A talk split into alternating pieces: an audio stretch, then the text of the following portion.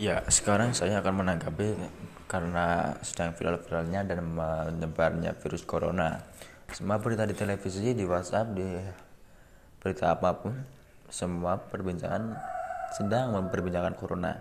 Dan sekarang saya akan membacakan sebuah buku berjudul Api di Balik Debu.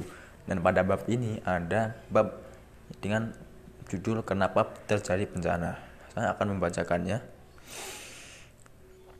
dan ini adalah podcast pertama saya.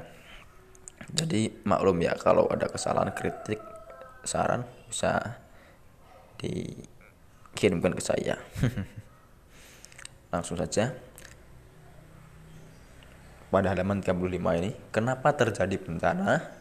Sebenarnya bencana apa pun yang ada di dunia ini Berbagai krisis, huru hara, peperangan, dan kelaparan semua berasal dari satu sumber, yaitu krisis nurani manusia dengan segala akibat yang menimpanya.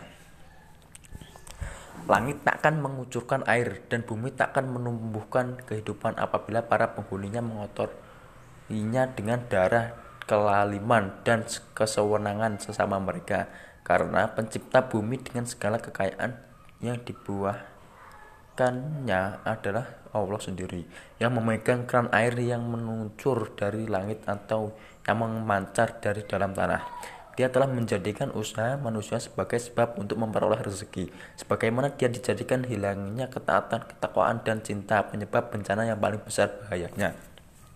Tidak diragukan lagi bahwa malapetaka dan bencana yang menggelamkan bumi di sisi lain menyimpan serentetan gelombang kekafiran, kemusyrikan, keberhalaan, kebobrokan moral, perpecahan keluarga, kelaliman di luar batas, dan syahwat-syahwat kebendaan yang mengalahkan segala nilai dan ajaran sampai di negeri-negeri yang kesohor dengan peninggalan-peninggalan sejarah di bidang agama dan kepatuhan menjalankan peninggalan-peninggalan sejarah di bidang agama dan kepatuhan menjalankannya Ternyata kepatuhan tersebut kini telah berubah menjadi sekedar upacara-upacara formal keagamaan.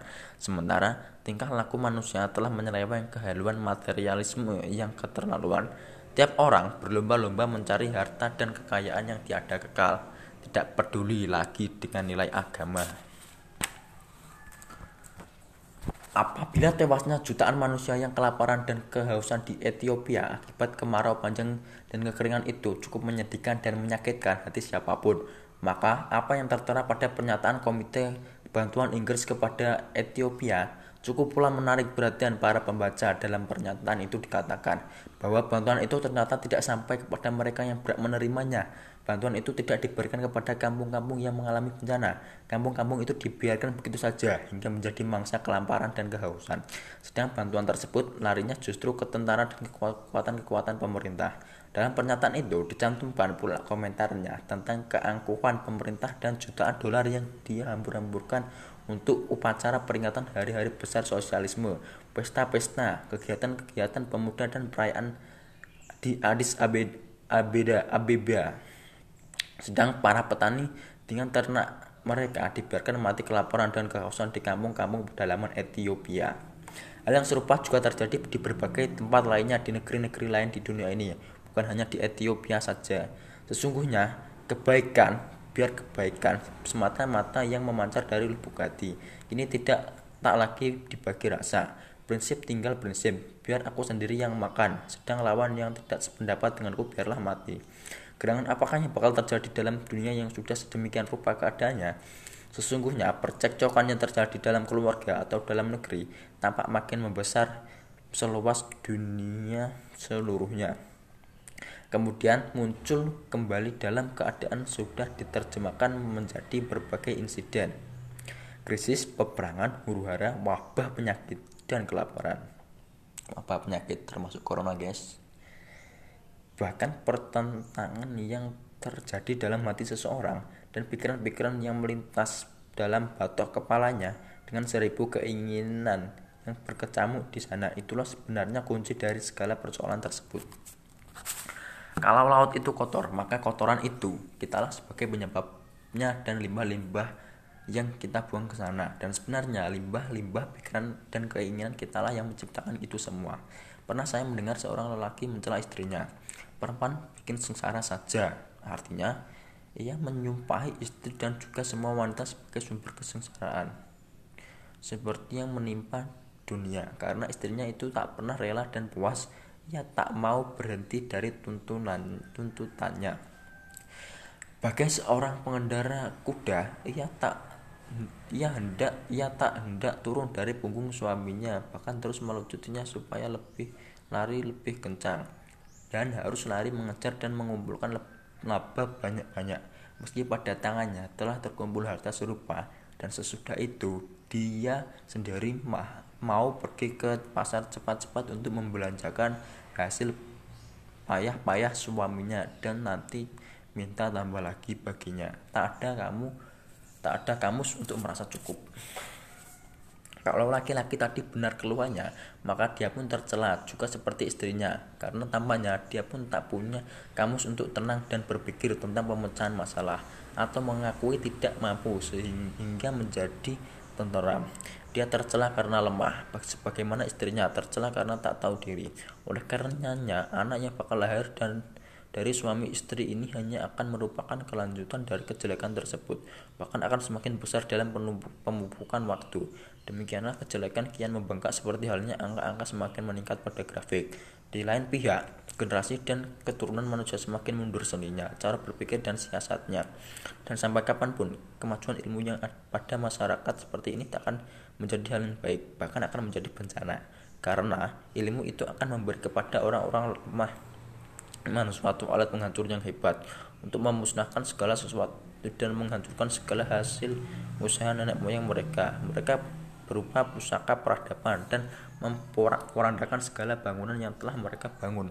Begitu kokohnya dengan keringat dan darah mereka.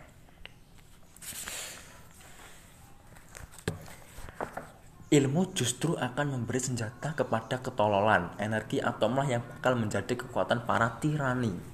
Dan alat bagi para pecinta kekuasaan, roket akan menjadi pesawat penindas dari kediktatoran.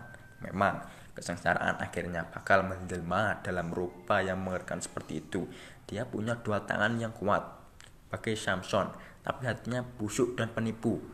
Namun demikian, kita sendirilah yang melahirkan benih dari monster itu dan kita semuanya membesarkan dan mengasuhnya. Karenanya, tak seorang dari kita dapat menganggap dirinya bersih. Dulu Umar bin Khattab pernah bilang, Lau asurot tabatung fil iroki laro aitu lafsi mas'ulan amma hadasalaha. Andaikan ada seekor unta yang tersesat di Irak, niscaya aku tetap menganggap diriku sebagai tanggung jawab tentang apa yang menimpanya. Benarlah kata beliau, karena apa pun yang terjadi pada tiap masyarakat adalah hasil dari perbuatan-perbuatan warganya masing-masing dari mereka bertanggung jawab sesuai dengan kedudukan dan pangkatnya, sejak dari warga yang pangkat rendah sampai yang paling tinggi. Maka segala yang menimpa kita adalah dari kita sendiri, sehingga tak ada yang dijumpai oleh seseorang di jalan selain dirinya sendiri. Seseorang penjahat akan dijumpai oleh akibat-akibat kejahatannya sendiri. Setimpal dengan yang pernah setimpal dengan yang pernah dia lakukan. Dan orang baik-baik akan dijumpai oleh akibat-akibat kebaikan dan kebajikannya sesuai dengan yang pernah dia lakukan. Serta dengan kemurahan yang dilakukan oleh tangan-tangan kita. Bumi dan langit akan bermurah hati kepada kita karena Tuhan yang telah menciptakan alam semesta menciptakan pula baginya undang-undang yang menjaga keseimbangannya yang dengan itu, alam menjadi cemerlang selama dalam pertumbuhannya dan dia menciptakan pula undang-undang yang menghancurkannya. Manakala alam telah dikuasai oleh kerusakan dan digerogoti oleh kutu-kutu perusak, bangunan masyarakat pun seperti halnya bangunan tubuh kita. Ia akan bisa berkembang dan mekar bila terdapat padanya faktor-faktor keserasian, keteraturan, dan kesehatan. Tetapi kalau dia dikuasai oleh kegoncangan, huru hara, dan penyakit, maka dia akan hancur lebur. Maka janganlah menyalahkan takdir, jangan berdalih terhadap langit, jangan pula mengatakan Tuhan menganiaya kami dengan menurunkan bencana-bencana ini. Tapi katakanlah, ya Tuhan, kami telah menganiaya diri kami sendiri. Hendaklah kita masing-masing intro, intro, intro, introspeksi tentang apa yang kita lakukan terhadap sistem pemerintahan yang ada dalam diri kita masing-masing dan blok manakah di antara blok-blok kesukaan yang kita pilih. Apakah berpihak pada kelezatan sementara dan keuntungan pribadi atau kepada penyelamatan kaum melarat dan menolong si daif? Mengarah kepada berhala berhala materialis atau kepada nilai-nilai ataukah yang memiliki nilai-nilai? Sesudah itu hendaklah kita masing-masing melihat apa yang kita lakukan bukan apa yang kita katakan apa yang kita rahasiakan bukan apa yang kita terangkan barulah kita akan tahu jawaban atas pertanyaan kita. Kenapa bencana-bencana ini terjadi? Dan saya pernah mendengar dan itulah tadi bab tentang mengapa terjadinya bencana yang telah saya bacakan dari buku Api di Balik Debu. Dan saya sendiri pribadi pernah mendengar dalil tentang apa pun yang terjadi pada diri kita itu disebabkan oleh buah tangan kita sendiri. Dan bagi para pendengar setia saya walaupun ini video podcast yang pertama atau ya. Sebenarnya penyakit corona itu disebabkan oleh Allah kita sendiri kalau menurut saya ya. Oke sekian dari saya. Assalamualaikum warahmatullahi wabarakatuh